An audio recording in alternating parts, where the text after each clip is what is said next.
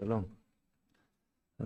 נשלים קצת את העניין, ראינו שדבר מאוד מרכזי בספר ישעיהו סיפור רעידת האדמה, הרעש, וראינו את הפרקים שמתארים את העניין הזה, אז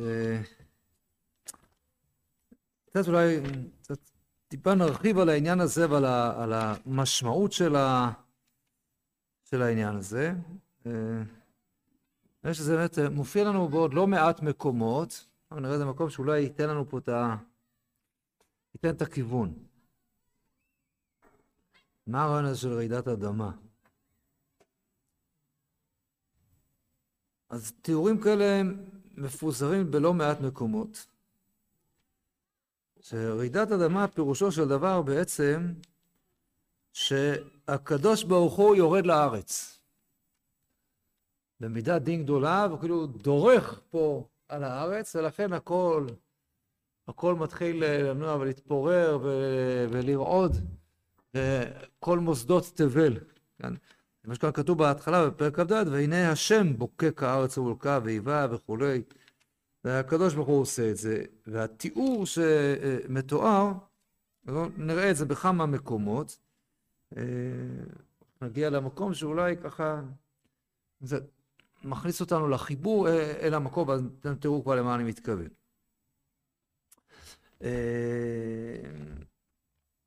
אולי נתחיל מן הקל אל הכוון, מבחינת התיאורים אולי, נגיד בתהילים, אז מזמור קמ"ד,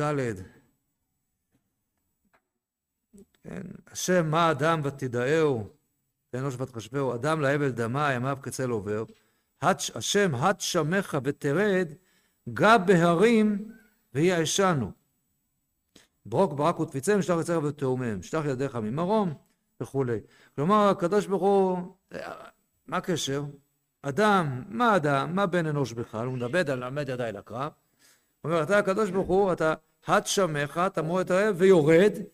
אתה, כאילו, כשאתה יורד אלינו, יורד, אתה נוגע גע בהרים ויעשנו. ההרים מתחילים uh, לעלות באש כנראה, הם מעשנים עכשיו הברוק ברק או תפיצה. הירידה של הקדוש ברוך הוא כאן, כן, uh, הוא מטה את השמיים ויורד מן השמיים אל הארץ, אז בצורה הזאת במלחמה זה גורם לכך שההרים ככה וישנו. בואו ניקח תיאור כבר קצת יותר מורחב, יותר ציורי של הסיפור הזה, ניקח את מה שמתאר נביא הנביא יחזקאל, כן, והתיאור הנרחב מאוד שלו של מלחמת גוג ומגוג. אז נראה רק בהקשר הזה כאן מתואר, נראה בפרק ל"ח. בספר יחזקאל, בלי להסביר יותר מדי אפילו מה, מה זה הסיפור של מה זה גוג ומגוג כמובן, אבל אז נראה פרק ל"ח, נראה את פסוק י"ד. מדובר פה על הגוג הזה שהוא אה,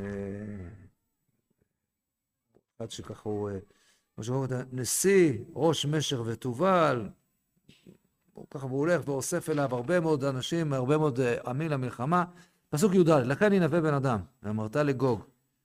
כה אמר השם אלוקים, הלא ביום ההוא בשבט עמי ישראל לבטח תדע.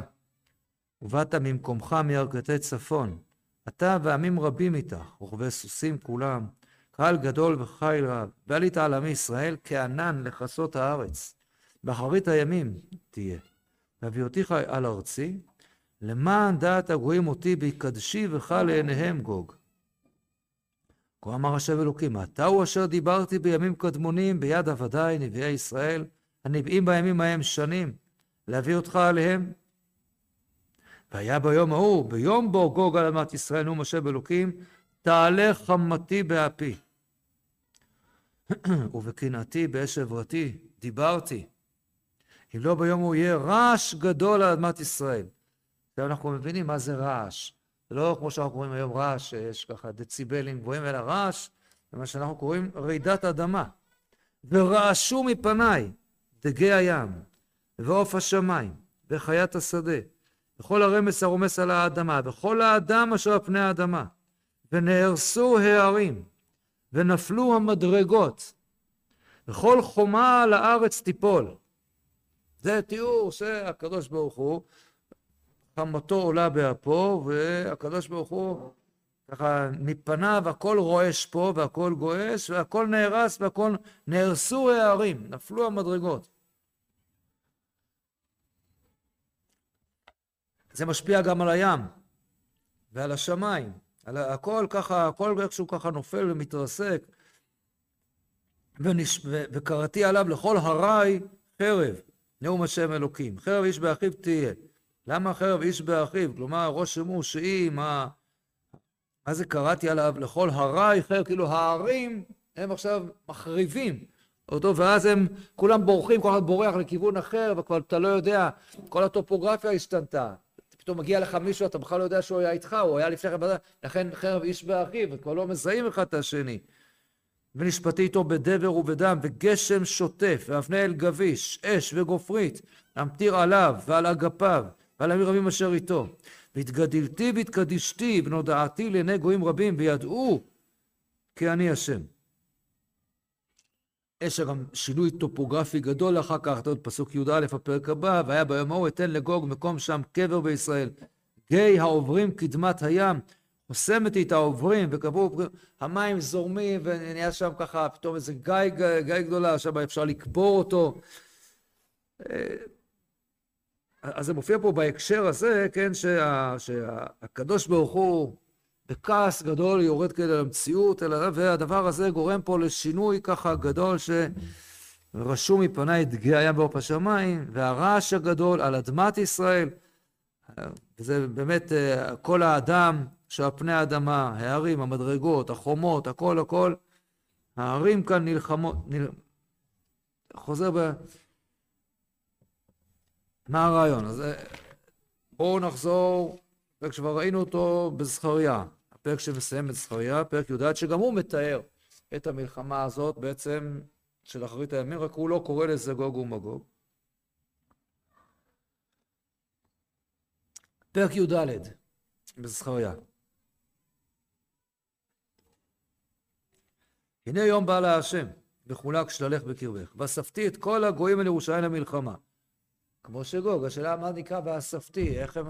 מי אוסף? האם גוג אוסף? הקדוש ברוך הוא, אז צורות הסתכלות שונות, זוויות שונות שהנביאים השונים נותנים פה, אבל התיאור שכל הגויים באים לירושלים למלחמה, ונלכדה העיר. ונשסו הבתים, ואנשים תשכבנה, יהיה מצב לא קל. ויצא חצי העיר בגולה, ויתר העם לא יכרת מן העיר. ויצא השם ונלחם בגויים ההם ביום, אה, כיום מלחמו ביום קרב. הקדוש ברוך הוא עכשיו יוצא להילחם בגויים כיום מלחמו ביום קרב. ועמדו רגליו ביום ההוא על הר הזיתים. הקדוש ברוך הוא כביכול דורך על הר הזיתים. מה זה דורך? כאילו, הוא, כן, אה, יש רגליים, כביכול, כביכול התיאור הזה, דורך רגליו ביום הוא על הר הזיתים. אשר על פני ירושלים מקדם, ונבקע הר הזיתים. נו, אם הקדוש ברוך עכשיו יורד ונעמד על הר הזיתים, אז נבקע הר הזיתים. הכל זה רעידת אדמה עצומה, הכל משתנה שם. נבקע הר הזיתים מחציו מזרחה וימה, גיא גדולה מאוד, איפה שהיה מרכז ההר, חצי ההר זז לפה, חצי ההר זז לשם, נהייתה שם גיא גדולה מאוד. תיאור דומה למה שראינו אצל אה, ביחזקאל אצל גוג. ומש חצי הר צפונה, בחציו נגבה, ונסתם גיא הרי כי יגיע גיא הרים אל עצל. אה, כל מיני הסברים לדבר הזה, אבל הטופוגרפיה משתנה שם. ונסתם, כאשר נסתם מפני הרעש בימי עוזיה מלך יהודה. ובא השם אלוקי כל קדושים עמך. ביום היה ביומו לאור יקרות, היה ביום יצאו מים חיים. שוב, המעיינות שנבקעים, הכל משתנה כאן. ו... אבל פה ההקשר, זה, זה מחבר אותנו לרעש בימי עוזיהו, מפורש כמו שכבר ראינו. פה אני כבר שומע מפורש שזה קורה במלחמה. שהקדוש ברוך הוא בא ונלחם, וכשהוא יורד אל הארץ, אז עכשיו ככה, כמו שראינו בתאים, גע בהרים ויעשה, עד שמך בתר, גע בהרים ויעשנו, פה אנחנו מבינים, זה, זה מה שקורה. ההרים, הכל נבקע, והכל רועש ורוגש, והכל, והכל נשטף פה. שימו לב מה קורה אחר כך למשל פסוק י' יסוב כל הארץ כערבה מגבע לרימון נגב ירושלים ורעמה וישבה תחתיה. עכשיו יש פה תיאור הארץ הכל מסתובבת חלק עולה חלק יורד חלק מתרומם חלק יורד. רעידת אדמה אדירה שכזאת הכל משתנה לחלוטין וזאת תהיה המגפה אשר יגרוף השם את כל העמים. שתבוא לירושלים. פסוק י"ג והיה ביום ההוא תהיה מהומת השם רבה בהם ויחזיקו איש יד רעהו ועלתה ידו על יד רעהו זה בדיוק אותו תיאור שראינו ביחזקאל, התיאור של בוקה מבולקה. ככל הנראה גם מה שקורה, מה שנראה עוד ממקומות אחרים, חלק מהסיבה שתהיה חרב איש ברעהו, מכיוון שהתאורה תשתנה לחלוטין. זה מה שכתוב בפסוק הזה, הפסוקים הקשים, פסוק, פסוק ו', היה ביום ההוא לא יהיה אור, יקרות וקיפאון. והיה יום אחד הוא יוודע לא יום ולא לילה. לעת ערב יהיה אור. מה, מה, מה קורה שם? זה חשיכה, אז ממילא גם בעלתה, מישהו רץ אל מישהו, תלך תדע, עלה לצרינו, חרב איש באחיו, אה, מהומה אדירה, שהיא מתוארת בצורה הזאת, המאוד מיוחדת, שעמדו רגליו כביכול של הקדוש ברוך הוא על הר הזיתים. הקדוש ברוך הוא ירד עם רגליו, הוא שם את רגליו, נעמד על הר הזיתים. כשהקדוש ברוך הוא יורד כאן למטה, אז הכל רועד. ו... בואו נגיע לתיאור שיביא אותנו אל המקום. זה התיאור, האמן שמביא אותו הנביא חבקוק.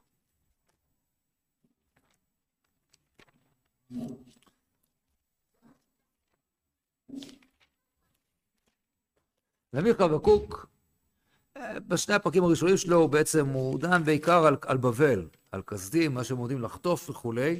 נראה את פרק ג'. לא נסביר פה כל, כל, כל ביטוי, אבל נתרשם. פרק ג' בעץ בחבקוק. תפילה לחבקוק הנביא על שגיונות. השם שמעתי שמעך יראתי. השם פועלך בקרב שנים חייהו, בקרב שנים תודיע, ברוגז רחם תזכור. ותראו פה הרבה מאוד ביטויים שמוכרים לנו מכל מיני מקומות. ברוגז רחם, תזכור, שאתה... אלוה מתימן יבוא, וקדוש מהר פרן סלע. מוכר לכם על מה חז"ל רואים את הביטוי הזה? למה מצרפים אותו? על איזה תיאור? אז הוא אומר שהקדוש ברוך הוא הגיע מכל ארבע רוחות, הוא הגיע למה? לאיפה? למעמד הר סיני. כמו שקוראים, השם מסיני בא, וזר מסיר למה הופיע מהר פרן, ואתה חסר לו עוד מקום אחד, כל הכיוונים, מה הרוח הרביעית? מביא את הפסוק הזה שלה, פסוק ג', אלוה מתימן יבוא. יש פה איזה תיאור שמזכיר בדיוק, וגם חז"ל קראו את זה ככה, מזכיר את הסיפור של מעמד הר סיני, ועוד מעט נראה, נגיע לשם ונבין את ההקשר. אלוה מתימן יבוא, וקדוש מהר פרן סלע, הופיע מהר פרן, כן? כיסה שמיים הודו, ותהילתו מלאה הארץ. ונוגה כאור תהיה, קרניים מידו לו, ושם חביון עוזו. לפניו ילך דבר, ויצא, ויצא רשף לרגליו. הנה הרגליים שוב. עמד, עם הרגליים הוא עמד, וימודד ארץ, ראה ויתר גויים, ויתפוצצו הררי את. רואים את התיאור? ההרים מתפוצצים. שחו גיבות עולם. מה זה שחו? שעון שחוח, כן? ההרים מתפוצצים, מתפרקים, הגבעות יורדות, אה, הליכות עולם לא. אנחנו יודעים כולנו מה זה הליכות עולם, כולנו מכירים את הדרשה. כל השונה הלכות בכל יום, אה, שנאמר הליכות עולם לא, אל תקראי הליכות, אלא הלכות. פה הפירוש והמקור הוא שונה.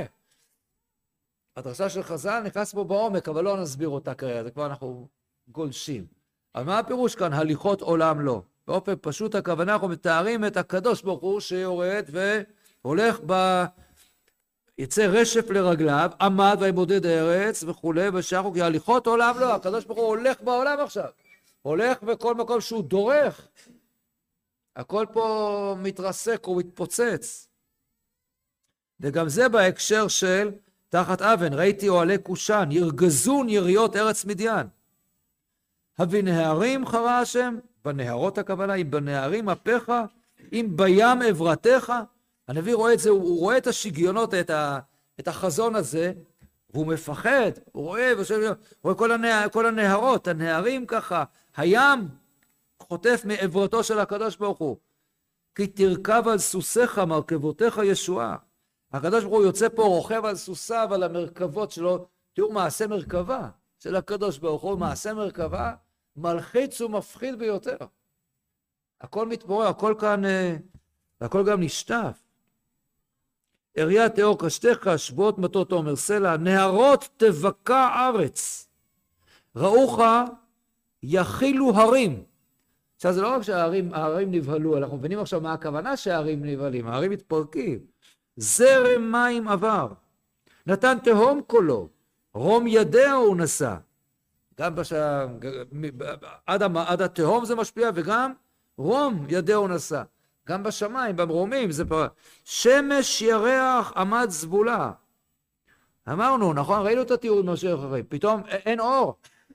השמש והירח מפסיקים כאן לתפקד. לאור חיציך יהלכו, לנוגה ברק חניתך.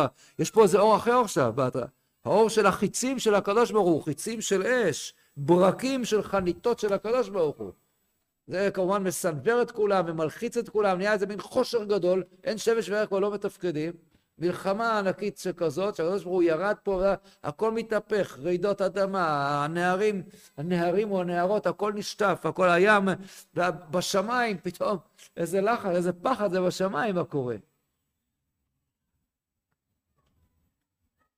בזעם תצעד ארץ, ואף תדוש גויים. יצאת לישע עמך, לישע את משיחך, מחצת ראש מבית רשע, ערות יסוד הצוואר סלע. מדלג, דרכת בים סוסיך, חומר מים רבים, שמעתי ותרגז בטני.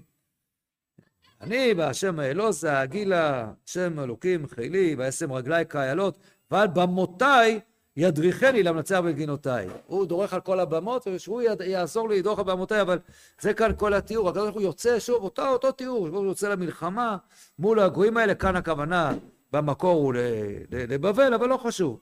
לא חשוב לזה. והקדוש ברוך הוא, התיאור חוזר שלו, הקדוש ברוך הוא צועד על הארץ, הוא צועד כאן, דורך בזעם. אז זה דורך בים, דורך ב... אני מזכיר רגע את התיאור הזה של השמש וירח, השמש וירח עמד סבולה לאור חיציך, זה גם בדיוק מה שראינו אצלנו בישעיהו. נחזור רגע לפרק כ"ד. פרק כ"ד, אתם זוכרים כל התיאור של רעידת האדמה. בואו נחזור לפרק כ"ד שלנו בישעיהו.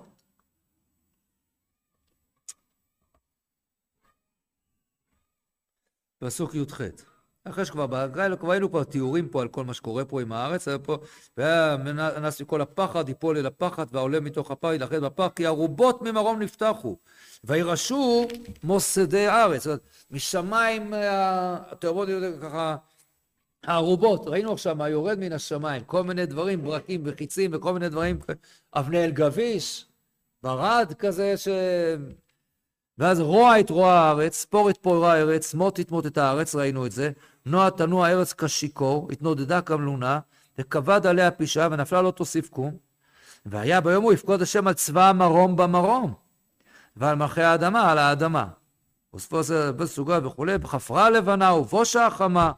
כי מלאך אשר צבאות בארץ שלו וירושלים ונגד זקניו כבוד. אז גם פה אנחנו רואים שהשמש והירח מפסיקים. אז, ומתגלת מתגלת, מתגלת כאן מלכות השם. כמעט של צבקות בהר ציון ובירושלים. מה זה בהר ציון ובירושלים? מה קורה להר, בהר ציון ובירושלים? גם שם הקדוש ברוך הוא משנה את הטופוגרפיה של הערים. אני מזכיר מה שאומר הנביא ישעיהו בהתחלה. נכון יהיה בית השם בראש הערים. ונישא מגבעות, פתאום זה מקבל משמעות אחרת. איך ירושלים, איך, איך הר בת ציון, איך, איך גבעת ירושלים היא נמוכה. תזכרו עכשיו, כן, אתם יורדים, תחשבו רגע שאתם יורדים עכשיו את המדרגות של הרוב היהודי. מישיבת הכותל, פורת יוסף, יורדים לכותל. אז נכון, יורדים, יורדים, יורדים במדרגות, ומולנו אנחנו רואים את הכותל מערבי, אבל מולנו הר הבית. תחשבו על הגובה. כן? הר הבית הוא יותר נמוך ממה שהיינו ברובע היהודי. תסתכלו בצד השני, ממול, במזרח, הר הזיתים, יותר גבוה. תסתכלו בדרום, מה רואים בדרום? איזה רכס רואים בדרום? נו, ארמון הנציב, שנקרא ג'בל מוכבר אצל הערבים, הר העצה הרעה אצל הנוצרים, יותר גבוה. ירושלים מכל מקום היא, היא, היא, זה הר קטן יחסית, הר נמוך. ירושלים, הרים סביב לה. אין הכוונה הערים שאנחנו רואים בדרך כלל ליד ירושלים, את האזור של, אה, כן, יודע, אה, הקסטל, מה שבדרך כלל, לא. הכוונה על ירושלים, הר הבית, מורכבת בערים יותר גבוהים ממנה. והיה באחרית הימים, אומר הנביא ישעיהו, נכון יהיה בית השם בראש הערים, ונישא מגבעות. זה לא רק משהו רוחני, הנה עכשיו כשאנחנו רואים את כל הנבואות האלה בים, כללי תמונה, הכל מסתובב שם, הכל משתנה, ובסוף הר בית השם עולה ונהיה יותר גבוה מכולם, ומתגלה בזה מלכות השם. כל כך הרבה דרשות אנחנו מכירים על העניין הזה שירושלים מקום נמוך, אין לך זה, הר סיני הוא הר נמוך, ולכן זה, זה הכל הכל נכון, ויש שלב שזה ישתנה. יש שלב שישתנה. ובסוף, כן, הר, בית השם, זה יהיה המקום הגבוה והנכון, ואל תתגלה בעוצמה מרבית מלכותו של הקדוש ברוך והדבר הזה בא באמת בצורה שלא פשוטה בכלל, והיא תחזיר אותנו, כמו שראינו, שאומר, אני רואה, למעמד הר סיני. אבל אני רוצה להגיד לפני מעמד הר סיני, שזה יהיה המקום שנוכל ככה לדייק את הדבר הזה. לא משהו על העניין הזה של האור, של השמש והירח שבפסיקין. אנחנו מכירים, שמה מביאה בחולין, מדרשים, זה סיפור של חטא הלבנה. חטא הלבנה. בואו נראה רגע אחד את הסיפור של חטא הלבנה, בפסוקים.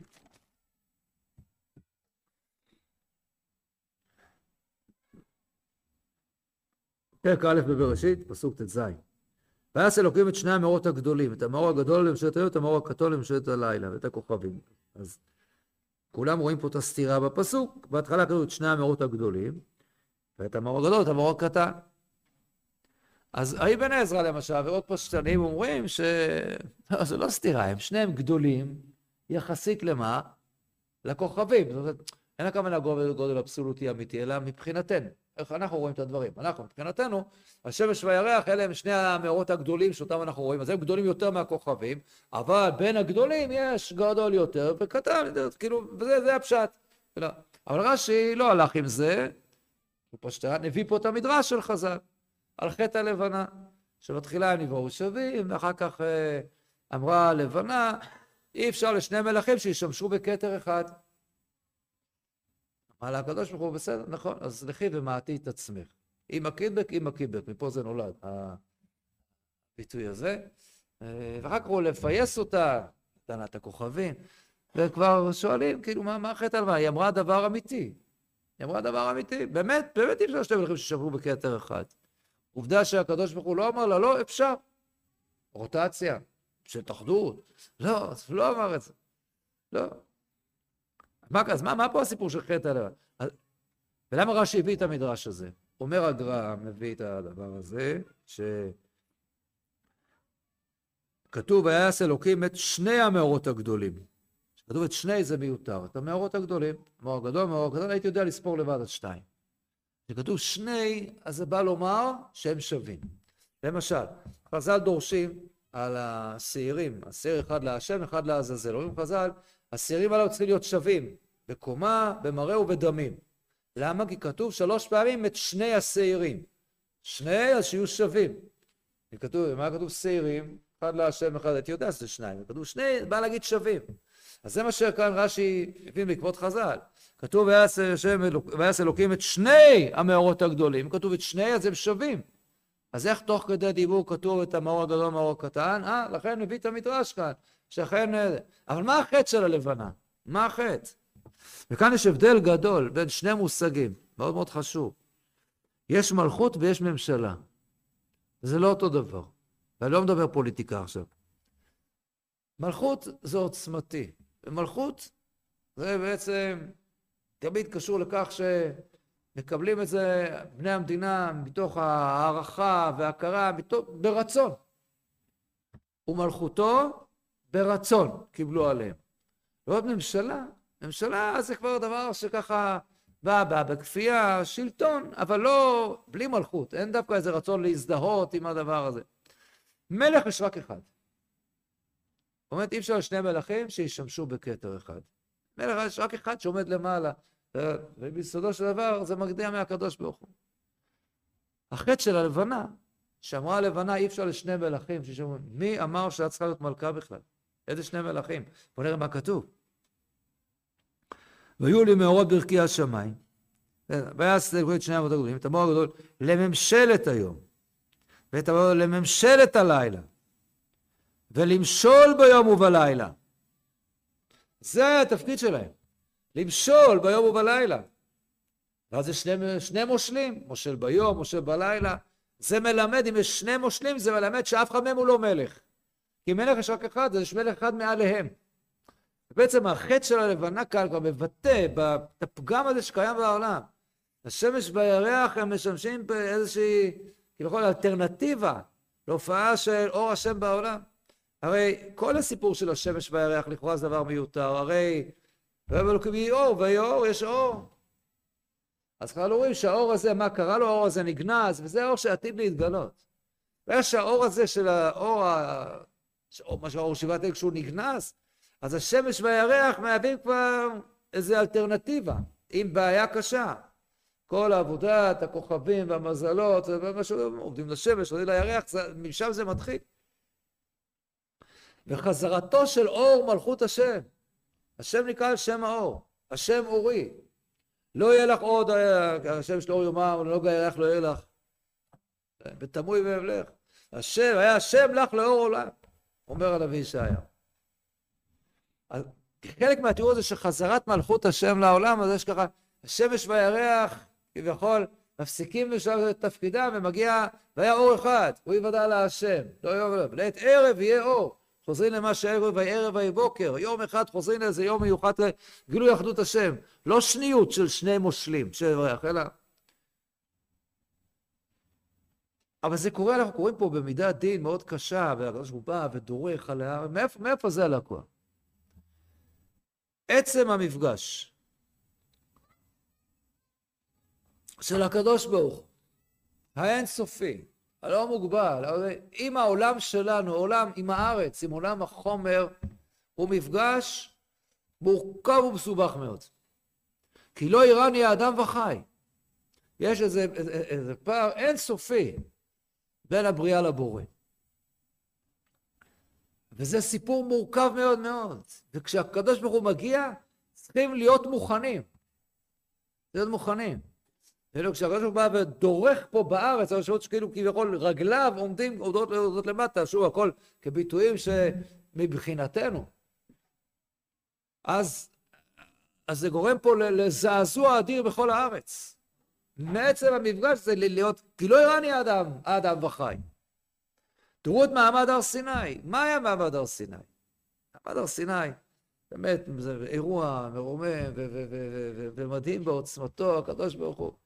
אבל זה היה, לא יודע להגיד בראש ובראשונה, אבל בוודאי ובוודאי עקרונית וחשובה, זה היה אירוע מפחיד מאוד מאוד. פחד מוות כפשוטו היה שם, לא כביטוי. חז"ל אומרים שפרחה נשמתה ובאו המלאכים והחזירו, בדיוק רוצים לבטא באמת את הדבר הזה. שהמלאכים הם שיכולים להחזיר לנו, כי בני אדם לא, לא מסכימים לעמוד בדבר הזה. ותראו איך זה מתואר. מתואר העניין הזה. אני נקרא את זה אולי מכמה פסוקים מספר דברים, ואז נחזור למקור, לפרשת יתרו.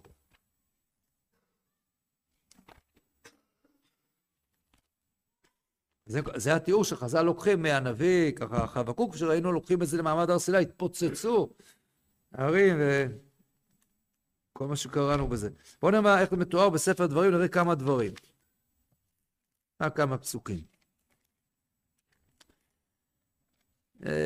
אולי נתחיל, פרק ד' בדברים. פסוק ל"ב.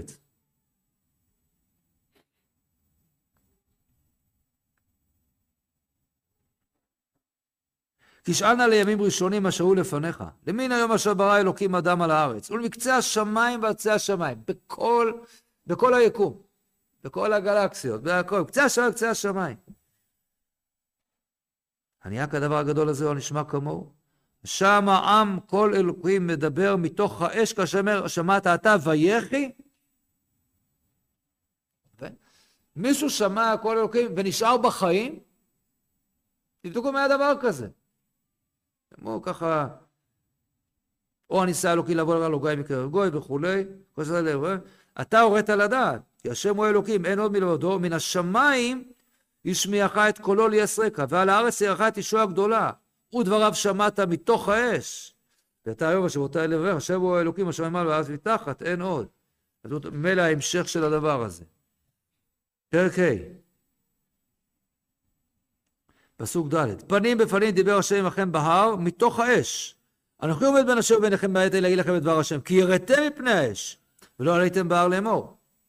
פסוק י"ט אחרי עשרת הדיברות את הדברים האלה דיבר השם אל כל קהלכם בהר מתוך האש הענן והערפל קול גדול ולא יסף.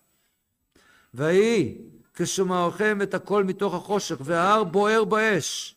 ותקרבו אליי כל ראשי שבטכם זכריכם ותאמרו הנה ראינו השם אלוקי את כבודו ואת גודלו ואת כל שם בתוך האש. היום הזה ראינו כי דבר אלוקים את האדם וחי אומנם ראינו אבל ועתה למה נמות? כי תאכלנו האש הגדולה אם יוספים אנחנו לשמוע את כל השם אלוקינו עוד ומתנו אה, אתם לא סומכים הקדוש ברוך הוא? לא, את התחושה שאנחנו מתים, אי אפשר, אי אפשר להכיל את זה. את האין סוף הגד... העוצמתי הזה שמגיע ונבנה, אי אפשר להכיל. כי מי כל בשר אשר שמע כל אלוקים חיים מדבר מתוך האש כמונו ויחי. קרב אתה ושמע את כל אשר יאמר השם אלינו, אלוקינו, ואת דבר לנו את כל אשר יש אלוקינו אליך ושמענו ועשינו. ומה אומר הקדוש ברוך הוא? מצוין. וישמע השם את כל דבריכם ודבריכם אליי, ויאמר השם אליי, שמעתי את כל דבריהם אשר דיברו ודיברו אליך, היטיבו כל אשר דיברו, מיתי היה לבבם זה להם, ליראה אותי, לשמוע את גבולותיי כל הימים, למען ייטב להם, לבניהם לעולם. זה היה אירוע מפחיד מאוד מאוד. מה כל כך הפחיד שם? הקולות וזה, אבל בואו תראו מה עוד. בואו נחזור לספר אה, אה, בשמות לפרשת יתרו. איך התורה מתארת שם את הסיפור. פרק י"ט בספר שמות.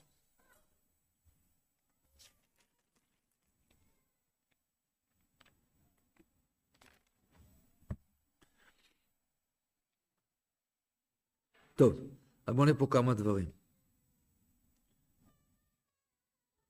פסוק ט"ז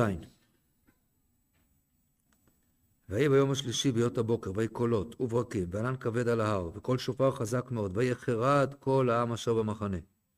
ויצא משה את העם לקראת האלוקים מן המחנה ותצאו את ההר, והר סיני עשן כולו. ראינו את העשן הזה, נכון? גע בהרים ויעשנו. אנחנו מבינים מה זה העשן הזה. והר סיני עשן כולו, מפני אשר ירד עליו השם באש. על עשנו כאשן הכבשן, והחרד כל ההר מאוד. מה זה ההר חרד? בני ישראל חרדים.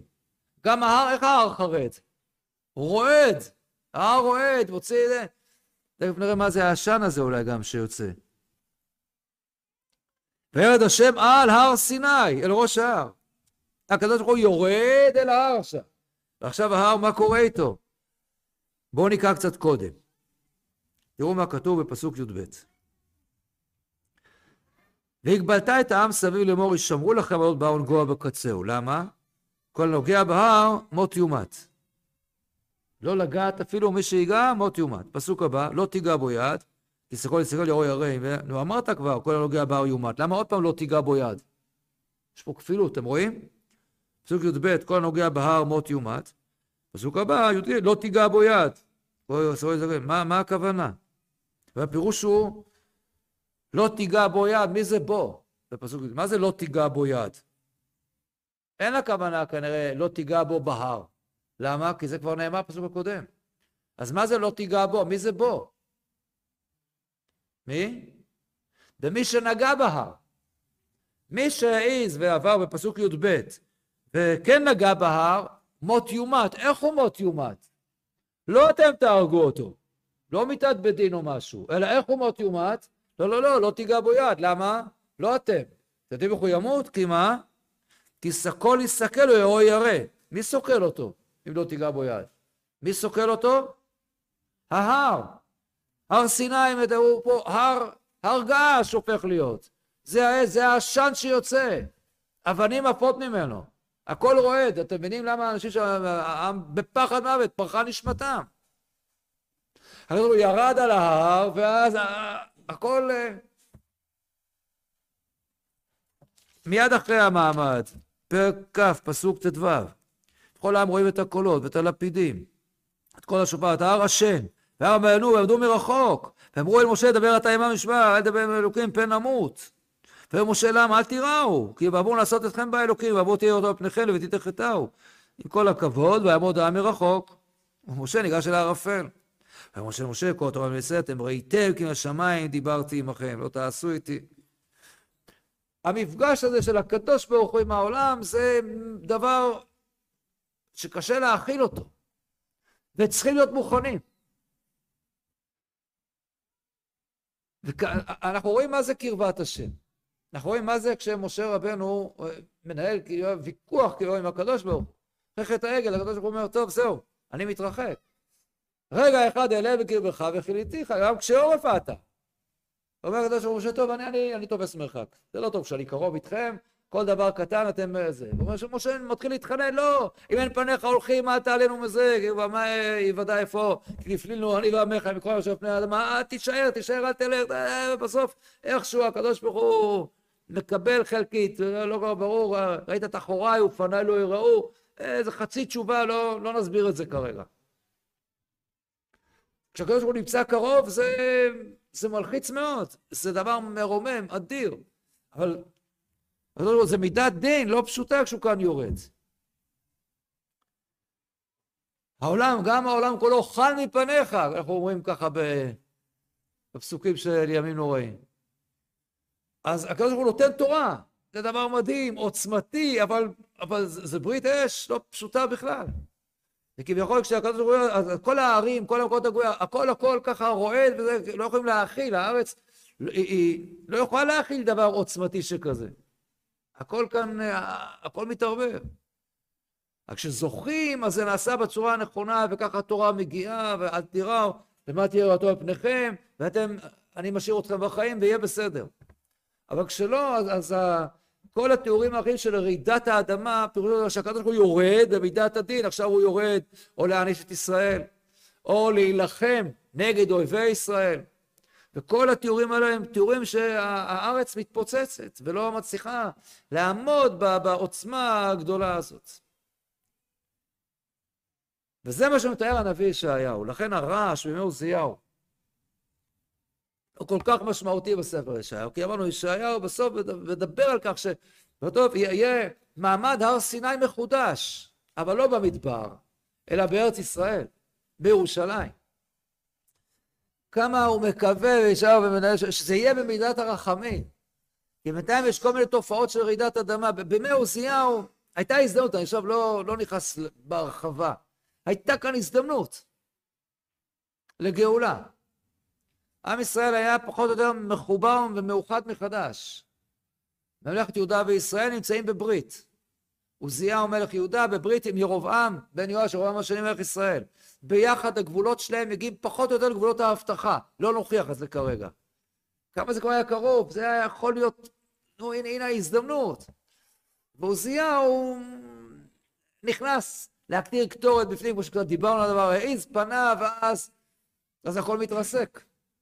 כשבאים ככה, נכנסים אל הקדוש ברוך הוא למפגש לא נכון, אז רעידת האדמה, אז הרעש הזה מגיע.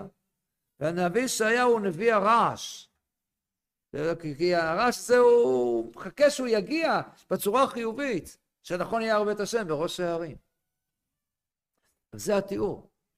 ולכן התיאור הזה הוא חוזר בכל כך הרבה מקומות, להבין את הדבר הזה, שעצם המפגש של העולם שלנו עם הקדוש ברוך הוא, כמה זה מורכב. בזעיר אנפין אנחנו קולטים את זה אצלנו. המפגש הכל כך מורכב הזה בין החלק הגשמי שלנו, הגוף שלנו, לבין הנשמה.